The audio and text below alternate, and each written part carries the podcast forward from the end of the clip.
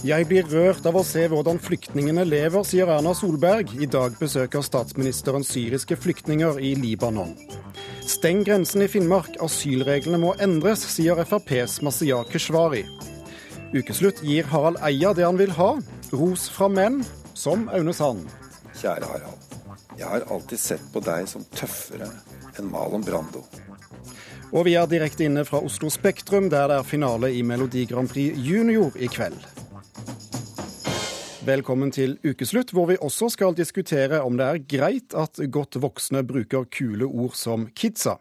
Mitt navn er Thomas Alvarstein Ove. Aldri før har det kommet flere asylsøkere på en gang til Norge som denne uken. Og det store spørsmålet er hvordan vi skal takle å ta imot alle. Statsminister Erna Solberg, du er i dag i Bekardalen i Libanon, der det bor nesten 400 000 syriske flyktninger. Kan du beskrive det du har sett? Det vi har sett, er jo uh, små, ulov, uh, små, bebyggelser med, med papp og plastskur som, uh, som, folk har bodd i i fire år. Dette er jo mange sånne små med 40-50 familier som bor sammen. Veldig kummerlig. Og eh, vi må betale dyrt folk for det strømmen når de bor der, og som, som er en veldig vanskelig situasjon. Hva er formålet med turen? Altså, Formålet er bl.a. å få snakket med politisk ledelse i Libanon, se situasjonen, snakke med, med, de forskjellige hjelpeorganisasjonene som er der. Og eh, sørge for at vi får god informasjon og bakgrunn før vi, før vi, enda, eh, før vi nå skal være med på å arrangere en giverlandskonferanse Eh, og Det er viktig å snakke med de landene som ligger i første linjen, og snakke med de organisasjonene som ligger i første linjen. Og Ut fra det du har sett, eh, ser det ut som eh, flyktningene har, har god grunn til å sette kursen mot Europa og Norge? Ja, altså Situasjonen er jo at pga. for dårlig internasjonal finansiering, så har man jo kuttet ned på, på hvem som får hjelp og på rasjonene man får. Det skaper en vanskeligere situasjon. Eh, for de som er her. Og håpløsheten har jo trukket inn også etter, etter eh, å ha vært her i, for mange vedkommende i en fireårsperiode. Hvordan vil det du opplever nå påvirke politikken her hjemme? Eh, først og fremst er dette en, en, en opparbeidelse av kunnskap før vi skal være med på å arrangere den giverlandskonferansen som vi tok initiativ til eh, i høst, for å sørge for at FN-organene, hjelpeorganisasjonene, får en finansiering til sin nødhjelp, til sin, sitt hjelpearbeid. Både i nabolandene, men også inn i Syria. Og Blant de møtene samtalene jeg har hatt, er også med de organisasjonene som jobber inne i Syria, og som har fortalt om hvordan situasjonen er der, og hva de kommer frem med av hjelp, og hvor kritisk situasjonen er der. Eh, som eh, en av FNs representanter sa, eh, det viktigste lyspunktet er faktisk at fortsatt er det flest syrere igjen i Syria. Men det er ikke sikkert det blir hvis ikke vi klarer å få mer hjelp inn. Etter at vi har snakket med deg nå, statsminister, skal vi til eh, situasjonen ved Storskog. Regjeringen vil ikke stenge grensen til Russland før alle andre løsninger er forsøkt, og nå hører vi det kan komme så mange som 1000 eh, asylsøkere om dagen. Hvordan i all verden skal Norge takle det? Nei, dette er en stor utfordring, men det viktigste er at vi får en varig løsning på dette. Og Derfor følger vi det sporet som, alle, som, som, som kan gi oss varige løsninger. Ja, Varige løsninger var stikkord til slutt der. Eh, takk skal du ha for at du var med oss på telefon fra Libanon, statsminister Erna Solberg. Nesten 1000 asylsøkere har denne uken kommet over russergrensen ved Storskog i Øst-Finnmark. Alle kommer på sykkel fordi det ikke er lov å krysse grensen til fots. Sør-Varanger kommune jobber på spreng for å ta imot alle sammen, men har egentlig ikke mer kapasitet. En asylsøker kommer syklende over grensa fra Russland til Storskog grensestasjon i Finnmark. Denne lille grenseovergangen er endestasjon for den arktiske ruta. En flyktningrute som går via Russland, og som blir stadig mer tatt i bruk for de mange som ønsker å søke asyl i Norge. Bare den siste uka har det passert over 800 asylsøkere her. Mange av dem på sykkel. Ja, det har vært eh, hektisk. Eh, Sier politibetjent og grensesjef Stein Christian Hansen. Eh, samtlige av mine ansatte har måttet jobbe tolv timers skift. Politiet gjør det de kan for å ta vare på alle som kommer til Storskog i minusgradene. Et varmeaggregat pumper varme inn i store oransje telt.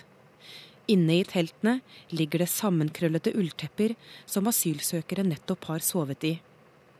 Utenfor står det to store konteinere fylt til randen med sykler. Herresykler, damesykler og barnesykler. Det er folk fra overalt i verden som har syklet på de syklene. Sist gang jeg sjekka, så var det vel 28 forskjellige nasjonaliteter som kommer over. Eh, brorparten akkurat nå er afghanere, virker det som, og pakistanere. Det har blitt mye blest rundt de nye asylsøkerne den siste uka. Mange spør seg om de som kommer nå virkelig er på flukt fra krig og nød. Eh, det vi ser nå, det er mer og mer at eh, det virker som at det er oppfatning at denne grensa er åpen, og at folk bare kan komme hit og, og komme til Norge for å studere, gå på skole eller jobbe. Og da har vi sagt at det er en stor misforståelse. Det er jo kun dem som da virkelig krever beskyttelse, som, som kan komme inn i Norge og søke asyl. Меня зовут Амид. Я приехал из Афганистана. Dette er ikke en russer, men afghanske Hamid som snakker. Hamid forteller at han kommer til Norge i håp om et bedre liv. Han har utdannet seg som journalist i Russland. Siden har han vært arbeidsløs i mange år.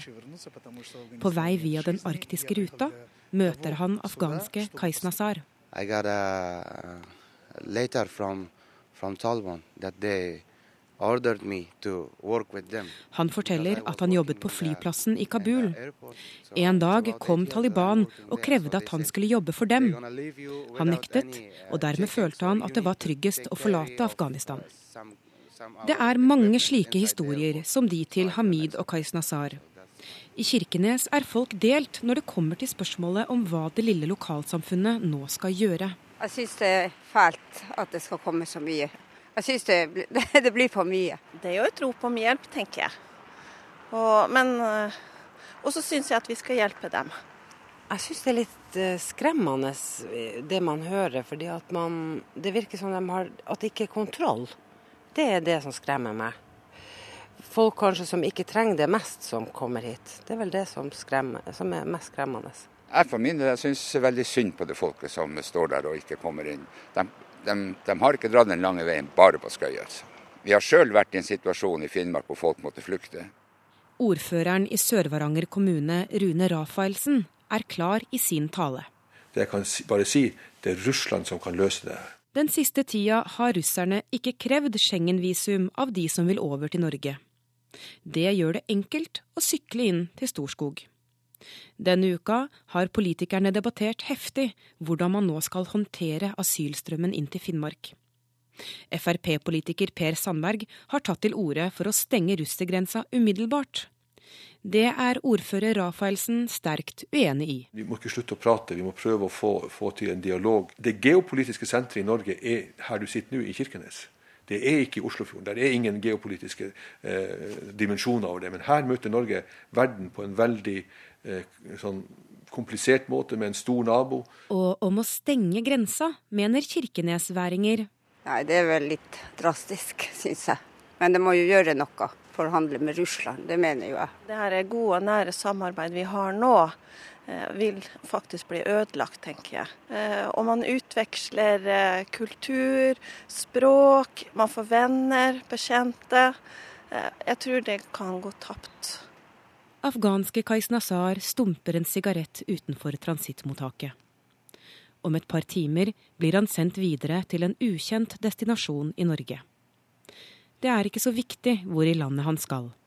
Han er bare glad for å ha kommet hit. So no war, no kidnapping, no beating. The real life is here. Ingen krig, ingen slår deg. Det virkelige livet er her, sa afghanske Kais Nazar. Reporter på grensen var Dana Vanono. Masiar Keshvari, innvandringspolitisk talsmann for eh, Fremskrittspartiet. Eh, hvor god idé er det å stenge grensen? Altså, i, i, Når realiteten er bare det at hvis du hadde gått, så er grensen stengt. For det er jo ikke adgang å gå over grensa. Men hvis du tar en sykkel, så er plutselig alt lov. Så tenker jeg det blir en så eh, kunstig og merkelig tilnærming til hvordan vi ivaretar vår eh, territorielle interesser. Eh, og, og, det verste av alt er faktisk hvem som kommer i tillegg. Hadde det enda vært de som er mest forfulgte, de som rømmer fra eh, krig, nød og elendighet for å få en trygg havn, eh, så hadde det da kanskje vært litt mindre prekært eh, å stenge grensen og få umiddelbart kontroll på det. Men det er som vi hører, det er mennesker fra Pakistan. altså Det er ingen krig, hungersnød, jordskjelv, katastrofer som tilsier at eh, pakistanere eh, skal eh, søke om asyl i Norge gjennom å gå fra Russland. Det er afghanske borgere som har Eh, bodd i Russland, i Tyrkia, i Iran, i naboområdene i mange år. Som, som vedkommende som vi hørte, som er utdannet journalist osv. Dette er ikke det asylsystemet var tiltenkt for.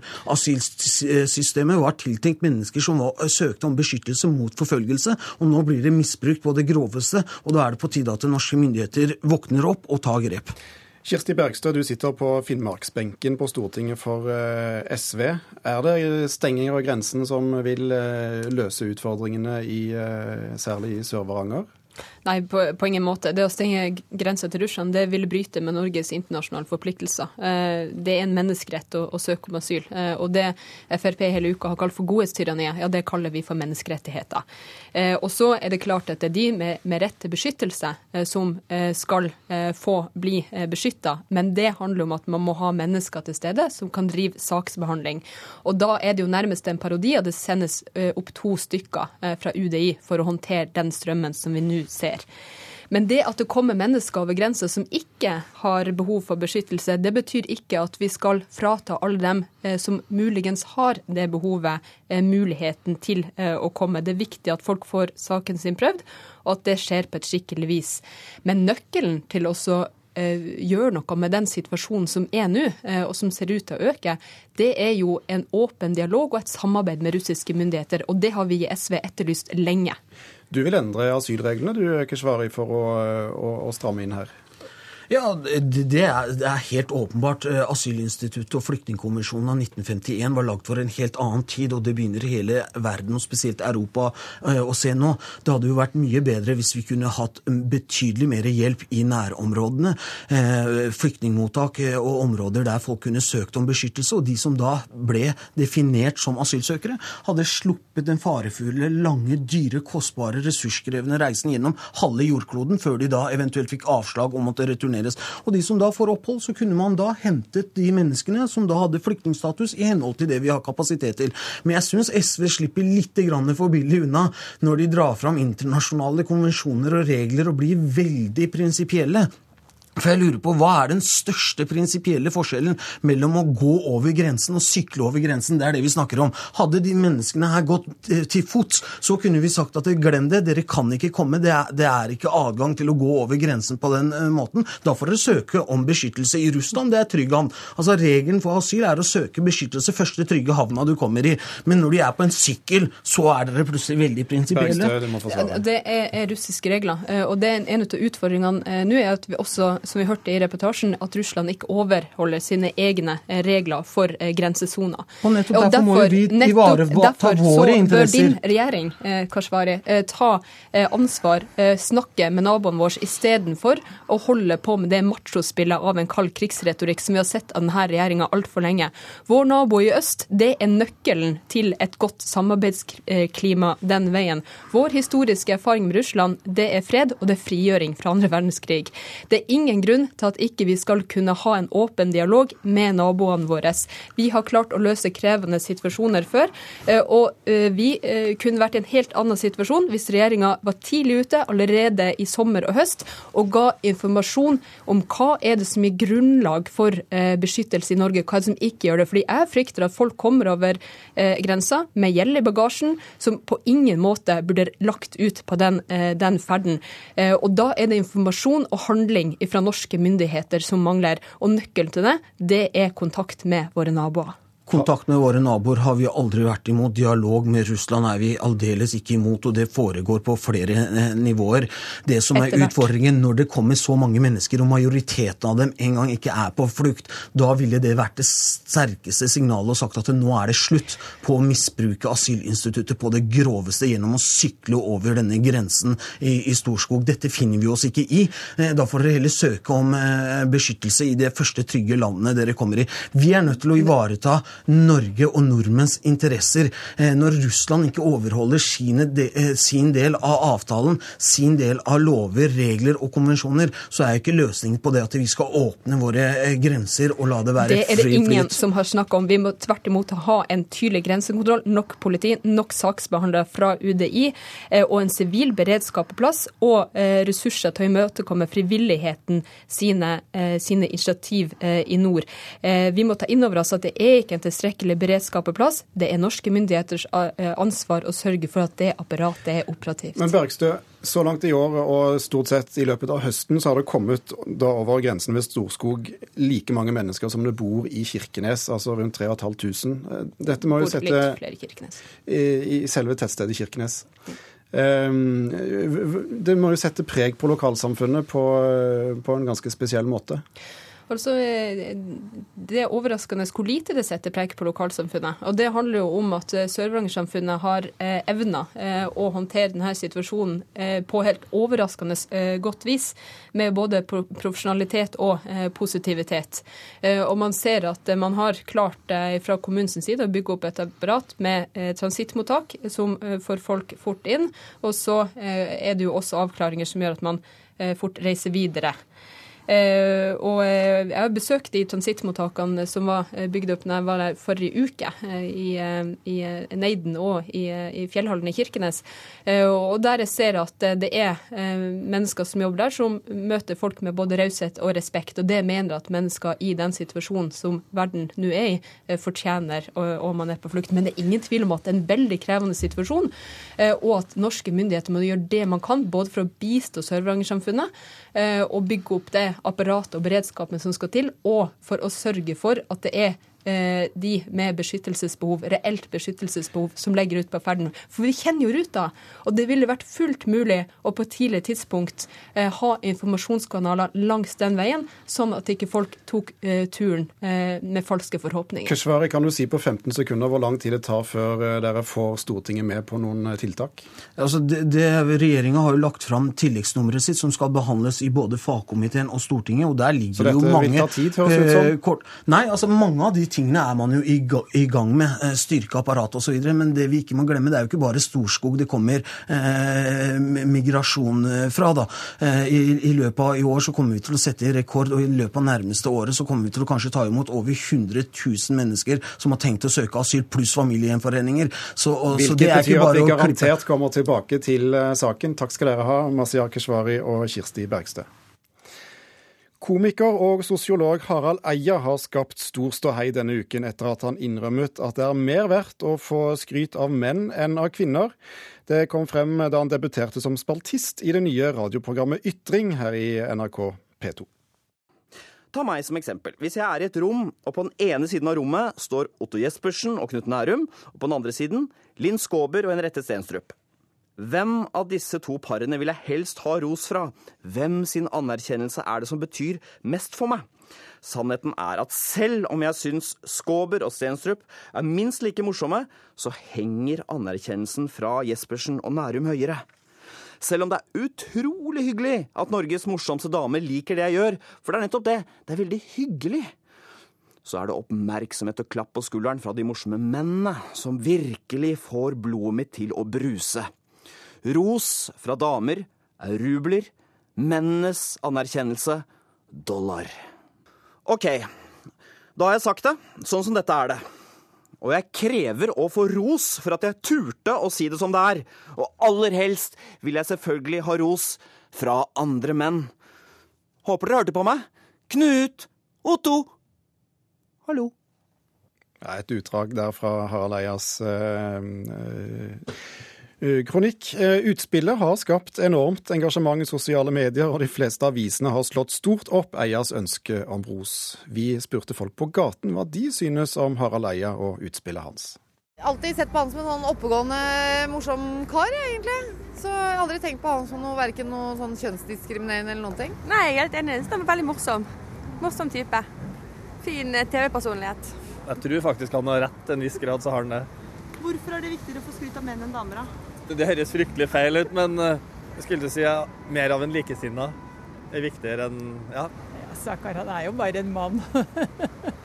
han er jo preget av å være middelaldrende, han òg. Jeg tror ikke helt unge menn er sånn nå. Ja, han er blitt litt gammel. Med et så tydelig ønske om ros fra menn, ja, da skal han selvfølgelig få det av oss her i Ukeslutt. Boys. Hei, det er Bård Hoksrud fra Fremskrittspartiet. Jeg syns du, Harald Eia, er en fantastisk flott person og en fantastisk flott programleder. Det er hyggelig å høre at du setter mer pris på mannehilsener enn damehilsener for meg som er mann. Derfor benytter jeg muligheten, Harald, til å sende en hilsen til deg. En mann fra meg, en annen mann. Ha en fortsatt fortreffelig dag.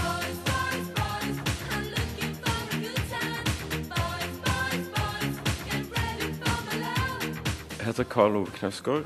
Hvis jeg skal si noe Harald er flink til, eller en, en kvalitet som jeg setter høyt hos Harald Eia, så er det at han uh, hele tida vil forsøke å se ting hvordan det egentlig er. Prøve å skjære gjennom alt, alt som omgir en ting, og prøve å trenge inn til hvordan det egentlig er. Og det er en utrolig bra egenskap.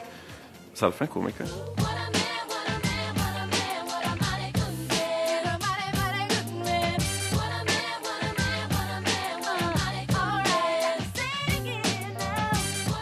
Hei, Harald. Det her er Tore fra Sofasendingen. Jeg vil bare si at du er en fantastisk komiker. Og så er du jo til og med litt søt, og så har du jo staka opp veien litt for oss eh, komikere, og det setter jeg innmari pris på. Jeg vil bare takke for deg for det. Tusen, tusen hjertelig takk.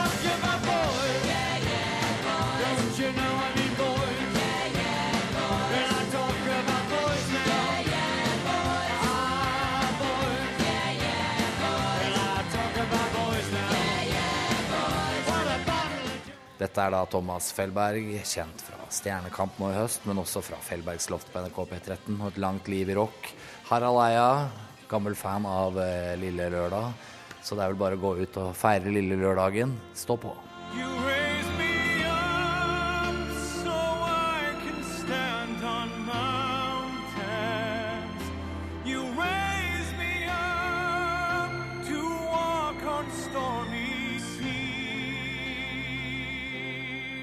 Kjære Harald.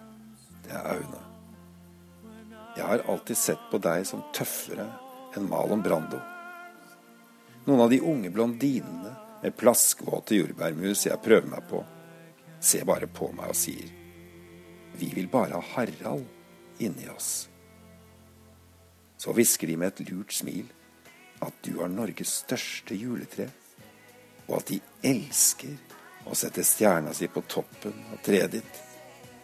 Harald, jeg må bare bøye meg sammen. Du er råsexy.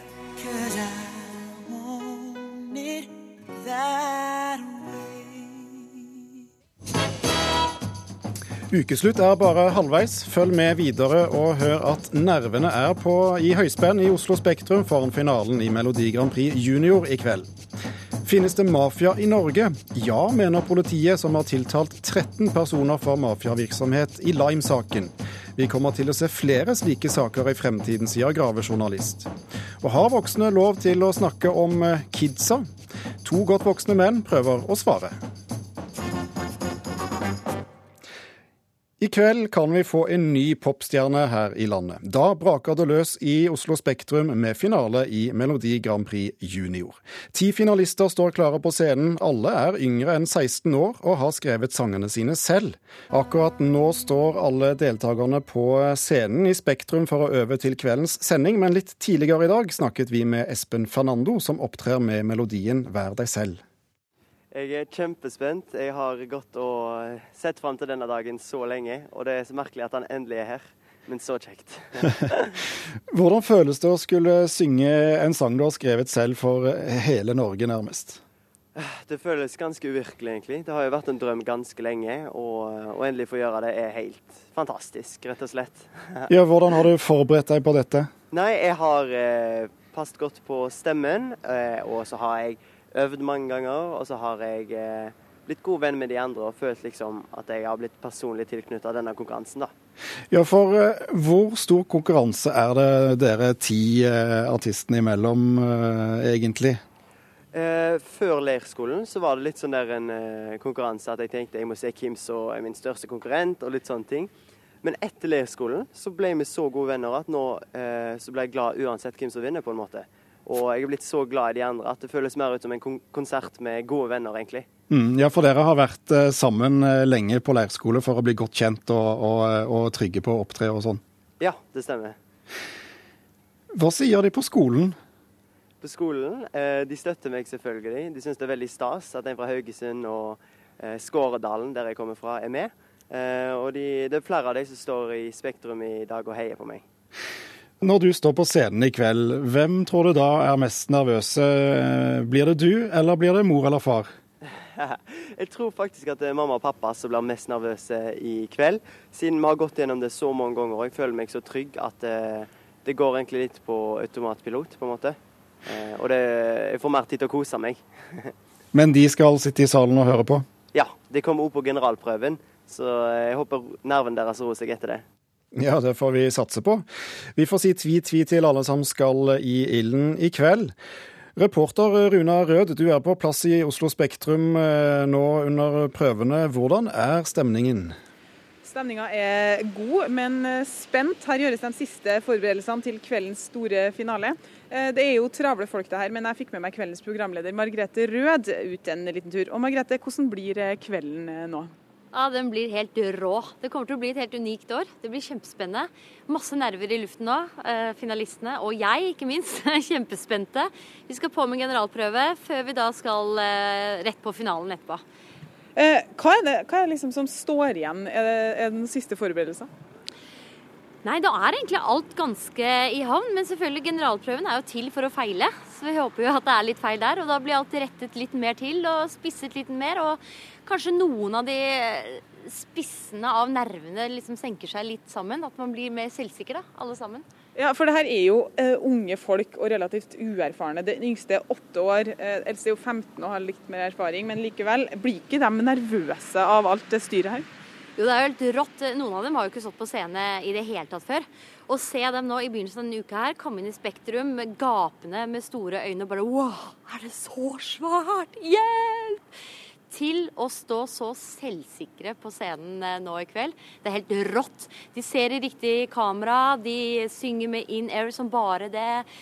Og er superstjerner, liksom. Det er helt vanvittig hvordan utviklingen er. Og det er selvfølgelig pga. at det er coacher hele veien. Og det første vi starter med når de blir valgt ut til å være med i MGP Junior, er jo at de skal bli bestevenner. Så de er så trygge på hverandre, og de kjenner hverandre og, og digger hverandre. Så de synger jo på hverandres låter før de går på scenen, og det er jo en trygghet. Ja, med, Vi snakka med Espen Fernando her eh, i sted, og han sa jo at det er jo mer en konsert sammen med gode venner. det her. Hvor viktig er liksom det forarbeidet dere gjør med deltakerne? Jeg tenker at det betyr alt. Det er eh, superviktig. Det er på den leirskolen, da og som de er i fire dager, og blir eh, en hard kjerne. Og det skaper jo trygghet, det. For da er det sånn, sånn som han sa, at, de blir, at, det er som en konsert med gode venner. Og det er det det skal være. Konkurransen er mest for TV sin skyld. Eh, hva blir høydepunktet?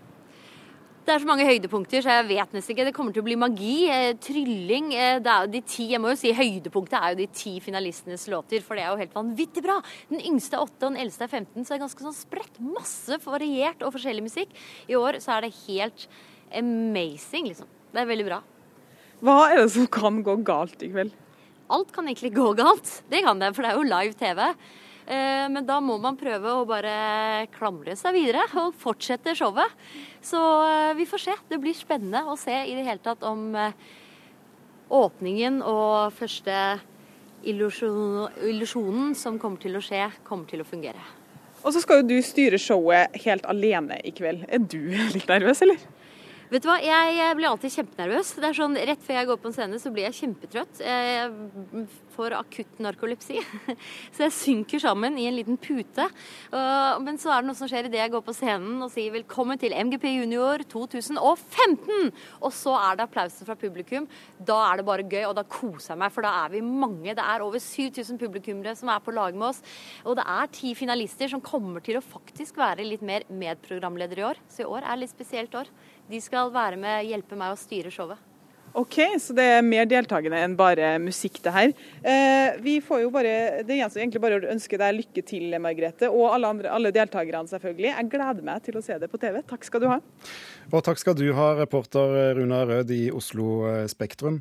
Tvangsarbeid, menneskehandel og grov vinningskriminalitet. Denne uken kom tiltalen i Lime-saken, der til sammen 13 personer er tiltalt for mafiavirksomhet. Politiet har tidligere sagt at organisert kriminalitet brer om seg i Norge. Det kjenner gravejournalist Gunnar Torenfelt godt til. Når jeg begynte å jobbe som journalist med fokus på arbeidsliv, så var det som politisk reporter. Men i løpet av å ha jobbet med dette her nå i løpet av ti år, så har jeg endt opp som krimreporter. Og det forteller noe om hvordan dette feltet har forandret seg, da. Gunnar Torenfelt sitter lett foroverlent på et stillerom i Dagbladet. Han jobber i avisas gravegruppe og har skrevet rundt 1000 artikler om norsk arbeidsliv. Det som jeg har blitt mest overraska over i løpet av, de, av, disse ti årene, det er jo omfanget. Eh, at det er såpass mange saker. Eh, vi sitter jo hele tiden med tips og saker eh, som vi ikke rekker over, fordi om, omfanget er såpass stort. da. Vi har sett det i Italia og i USA. Både på film og i virkeligheten herjer mafiaen. Kan det samme skje her i Norge? Denne uka kom tiltalen i Lime-saken. Over 56 sider beskriver politiet det de mener er tvangsarbeid, menneskehandel og grov vinningskriminalitet. 13 personer er tiltalt etter mafiaparagrafen.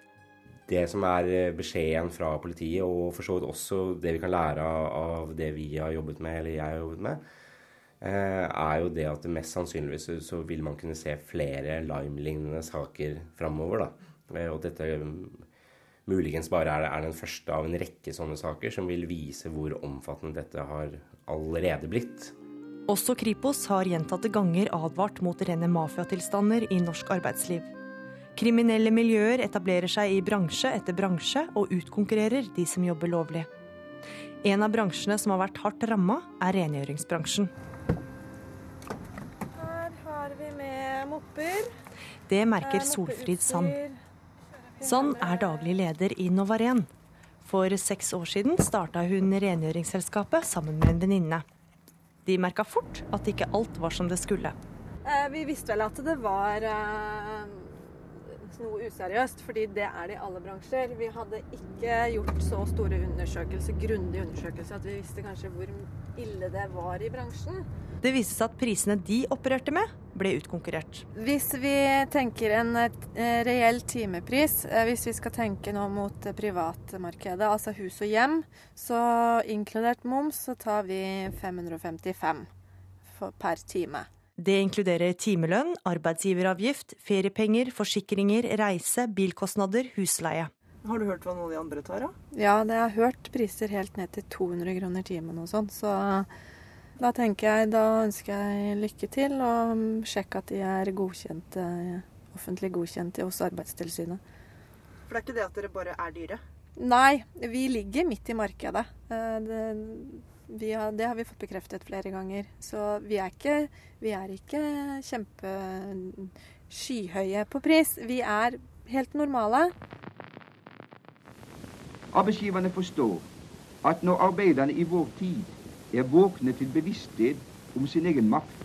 Noe har forandra seg siden LO-mann Konrad Nordahl holdt foredrag for det norske folk i 45. Gjennom samhold og organisasjon så er det ingen annen måte å ordne arbeidsforholdene på enn at det forhandles og treffes avtaler om alle forhold. I våre dager er det ikke langt mellom sakene med sosial dumping, hvor underbetalte utenlandske arbeidere står uten rettigheter og med dårlig lønn. I fjor fortalte Ukeslutt om rå utnytting av polske arbeidere som jobba på bilvaskeri. Uh, Vi begynte på jobb klokka ti, og hvis vi var fem minutter forsinka, sa de at de trakk halve lønna den dagen. Så jobba vi hardt til klokka ni om kvelden. Det var veldig mange biler å støvsuge og vaske, utvendig og innvendig. Det var helt forferdelig. Vi fikk beskjed om å ikke snakke med politiet eller Arbeidstilsynet. Da ville de drepe oss, sa de. I Lime-saken skal ti personer ifølge politiet ha blitt utnytta over lang tid. De ble fløyet inn fra Pakistan, og noen av dem ble satt til å jobbe i Lime-butikkene sju dager i uka, 14 timer om dagen. Statsadvokaten mener de ikke fikk lønn, og mange opparbeida seg til og med gjeld til flere av de tiltalte, som alle er venner eller i familie med hverandre. Norge har forandret seg, eh, og de lønns- og arbeidsvilkårene for store grupper er eh, forandret. Eh, Men vi må jo håpe at mye av den utviklingen som har skjedd, er mulig å reversere. Og jeg håper jo, og så tror jo, at, at det går an å organisere det norske samfunnet på samme måten som det vi har gjort. Men vi, men vi må heller ikke være naive i eh, forhold til de grupperingene og de kreftene vi står overfor. da. NRK har vært i kontakt med advokatene til de tiltalte i Lime-saken. Flere av de involverte erkjenner ikke straffskyld og mener politiet har fremstilt saken feil. Flere av advokatene sier også de ikke ønsker å kommentere saken på nåværende tidspunkt. Reporter det var Gry Veiby. At ungdom lager nye ord og uttrykk er ikke noe nytt. Det er heller ikke nytt at voksne ofte ergrer seg over måten de unge snakker på. Hører du ikke ofte noen bruke uttrykk som du synes klinger svært ferske og nylagede, eh, så du rent ergrer deg og synes de er fjolte? Å jo, det hender. F.eks. når ungdom kommer hjem fra en fest eller en tur, og de flirer og morer seg med komiske ord. Ok, der har du en annen kraft som virker i språket. Slurv, slang og sjargong. Den er ikke alltid synderlig levedyktig, selv om en og annen petitjournalist og kanskje en og annen forfatter morer seg med å ta dem opp og efterligne dem. I 1947 hadde ungdommen begynt å si ting som 'dønn på trynet' og 'kul umulig'. Det var tema i programposten 'Hvor har du det fra?' Og vi voksne forsøker gjerne å henge oss på og tar i bruk nyordene. Kidsa er et sånn uttrykk som mange foreldre nå har tatt i bruk. Men eh, det kan, eh, det kan det godt slutte med, sier ungdommene vi traff. Ja, Det kan være morsomt hvis de bruker det riktig, men de bruker veldig ofte feil. Kidsa. Det er vel De prøver å integrere seg i ungdomsspråk, det holdt jeg på å si, som å bruke chillax og kidsa osv. Pappa sier word. gjør han? han gjør det. Um, jeg syns det er litt barnslig. Jeg vet, jeg vet ikke. Litt sånn try hard på å være kul. Det er jo litt pinlig, egentlig. Med foreldrene, i hvert fall. Arne Joramo, redaktør i Telekom-revy. Du skriver i magasinet at voksne må slutte å bruke ordet kidsa. Hvorfor det? Nei, det er jo flere årsaker til det. det jo, for det første er det jo veldig stygt ord. Eh, Det er jo ikke akkurat melodisk eh, kidsa. Det er, det er mer sånn karaterop. Eh, Og for det andre så er det unøyaktig. Det dekker, skal liksom dekke alt fra smårollinger i barnehagen til ungdom på 18. Eh, Og for det tredje, og det viktigste, er jo at vi har atskillig bedre ord på norsk. Ja, Hva er de verste eksemplene du har sett på bruken av eh, kidsa? Ja, det, det ene var jo, det ene var jo eh, en kollega av meg som eh, lagde en plate som het 'Kidsa har alltid rett'. Eh, Gatas Parlament, det var i 2008. Og så var det min, min motdebattant her, eh, Torgeir Andrew Waterhouse. Han er jo, han er jo genetisk uh, skada tråkkelig, Eh, som eh, som eh, var med å, å danne den utmerkede tiltaket Lær kidsa koding. Ja, Torgeir Waterhouse, da er du allerede introdusert. Du er direktør for internett og nye medier i eh, IKT Norge. Og det er ikke bare nye medier du bruker, men også nye ord som kidsa. Eh, hvorfor det? Nei, det er vel eh, Det er jo mange årsaker til at det og mange andre ord er i bruk. Og, og det er klart det at eh, Jeg er for så vidt enig med, med, disse ungdommene som dere har snakket med, at uh, ofte så er det kleint når, når gamle menn som, som, Arne her har et behov for å ja, prøve voksen, å, ja, ja. å prøve å ta i, bruk, ta i bruk en del ord og ikke helt skjønner det, ikke får det til. Det er jo egentlig bare en variant av når små barn også tar i bruk ord som de ikke skjønner hva betyr, men de syns de er kjempeflinke når de bruker det. Og det, sånn er det. For, for meg og for veldig mange andre så er kids, kids kidsa osv. Og, og en del, mye andre ord for den del. Det er en naturlig del av språket. Det er så enkelt som det. Og så er det ganske interessant at det betyr også at disse ungdommene dere har snakket med, de tror selv at mye av deres språk er nytt og noe som har kommet med dem. Og sånn er det ikke nødvendigvis. Lær kidsa koding er altså et uh, prosjekt eh, du driver. Hvordan kom dere opp med det navnet? Nei, det, det bare var der. Eh, det var mange samtaler rundt det, og det bare, det bare oppsto og eksisterte. Og jeg tror, jeg tror det, kanskje det i seg selv er en, en, ganske god indikasjon på at dette er ord som er en del av et språk. Nå er det også En ganske interessant side ved det er jo at vi, vi, er i kontakt med mange mennesker rundt i hele verden eh, som jobber med mye av det samme. Og de skjønner det umiddelbart hva Lær Kids of Coding driver med, fordi at eh, ordene er såpass like det som eh, de har i sitt språk. Uh, og så vil jeg også si da at uh, dette er jo en konstant uh, fascinerende samtale. Jeg har denne samtalen om mange, mange ord. Jeg jobber jo med, med IT-politikk og, og teknologiutvikling osv. hver dag. og Eh, det er en endeløs strøm av bekymra folk som er enten bekymra på en humoristisk eh, måte med et stort smil i ansiktet, sånn som Arne er her nå, og eh, med gravalvor, som har bl.a. vært i debatter med Språkrådet om, hvor man er oppriktig bekymra for at ord flytter seg på tvers av landegrenser. Men det fungerer fint, det. Joramo betyr egentlig så mye? Er det så farlig?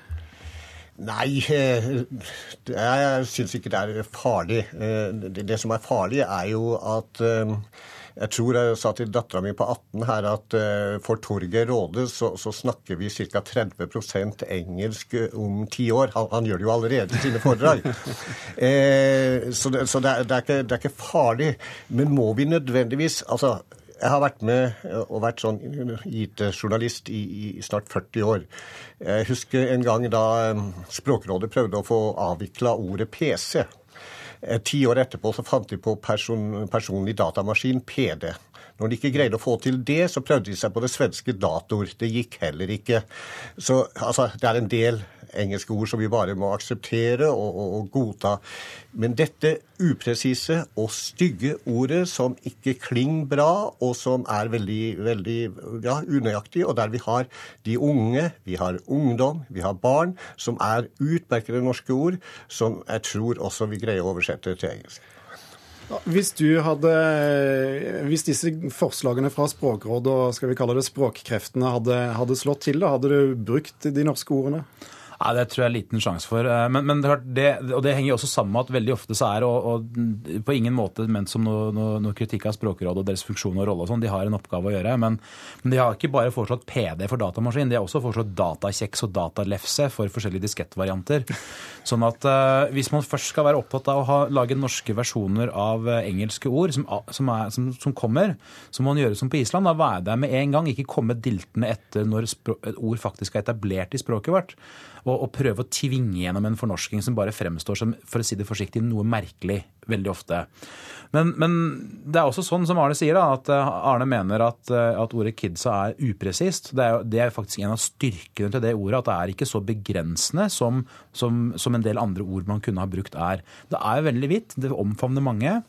Og, eh, og, det fungerer fint. Og så er det selvfølgelig da gøy da, at de kan diskutere dette, men, men jeg syns det ligger en det ligger en, eh, en ganske sånn hva skal jeg si, en viktig fokusdiskusjon da, i, i, alt dette rundt hva, hvilke språk og ord er det vi bruker.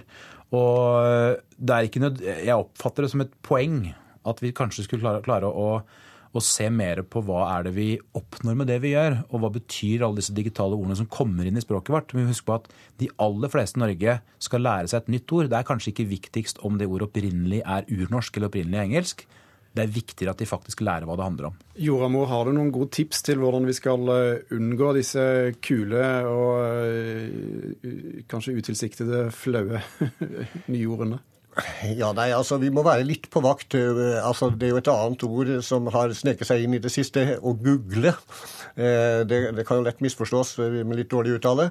Eh, som står for søk. Altså vi, Der vi har gode norske ord, syns jeg vi skal beholde dem. Der de engelske ordene er bedre, så må vi, må vi ta dem opp. Og da må vi, Hvis Språkrådet skal gjøre noe med det, så må de reagere veldig raskt. For noen ord sprer seg jo ikke minst i teknologiverden med lynets hastighet. Dere som skriver om teknologi, må vel kunne ta litt ansvar, da? Altså jeg, jeg, jeg, vi tar jo ansvar og gjør masse for å faktisk få ordene i gang, og få ordene i bruk i Norge. Og så er ikke jeg så opptatt av om det, om det er opprinnelig norsk. Jeg som Arne sier, jeg er kanskje genetisk betinga til å like det engelske språket veldig godt. Jeg liker engelsk språket veldig godt og jobber mye på engelsk. Men, men som sagt, jeg er mye mer opptatt av at folk i Norge lærer seg hva noe er. Om det ordet opprinnelig er norsk eller engelsk, det er en helt annen diskusjon. Og så er det sånn at å google er mye mer presist enn ordet å søke. Tusen takk. Det var skikkelig fett at dere kom, Torgeir Waterhouse og Arne Joramo. Nå er det tid for å gå hjem og chillaxe resten av helgen. Vi skal uh, gjøre klart for værmeldingen, og lavtrykkene står i kø i vest, statsmeteorolog Siri Horjen. Ja, det stemmer det. Så det blir ganske skiftende vær framover. Resten av dagen i dag så får Spitsbergen sørøstlig kuling med stort sett opphold. Sørøstlig kuling blir det også i Finnmark og Troms. Det kan komme litt snø på vidda, og ellers blir det opphold, men til kvelden kommer det inn litt regn i Troms med snø i grensetraktene. Nordland får sørvestlig liten kuling. Her blir det regn som brer seg nordover, med snø på de indre strøkene. Trøndelag og Møre og Romsdal og Sogn og Fjordane får vind fra sør-vest med kuling på kysten fra Stad og nordover, og det blir regnbyger, lokalt med torden i Møre og Romsdal og Sogn og Fjordane. Resten av Sør-Norge får oppholdsvær og litt sol, men så kommer det da ny nedbør fra sør-vest i løpet av ettermiddagen og kvelden. Snø over ca. 800 meter, og det øker på til nordøstlig kuling på Agderkysten. Og så til morgendagen. Da trekker denne nedbøren seg østover og inn i Sverige, og det blir lettere igjen i Sør-Norge. Fortsatt sørvestlig kuling nord for Stad og Dovre med byger. Utover dagen ny vindøkning da fra sør, og til kvelden sørøstlig storm i vest, og det kommer inn regn vestfra igjen med snø over ca. 800 meter. Og i Nord-Norge i morgen vil det blåse fra sør-sør-vest, periodevis kuling, litt sludd og snø i Finnmark som trekker seg østover. Enkelte byger på kysten av Troms og i Nordland, og da vil det komme så sludd- og snøbyger på de indre strøkene. Og Spitsbergen får sør-sørøstlig kuling og litt sludd og snø i morgen. Ukeslutt er eh, slutt. Ansvarlig for sendingen var Lilly Fritzmann. Teknisk ansvarlig Frode Thorshaug. Her i studio satt eh, Thomas Alverstein Ove. Og så kan vi på tampen minne om at Magasinredaksjonen er tilbake med det nye programmet Ytring på NRK P2 i morgen, midt i kirketiden klokken 11.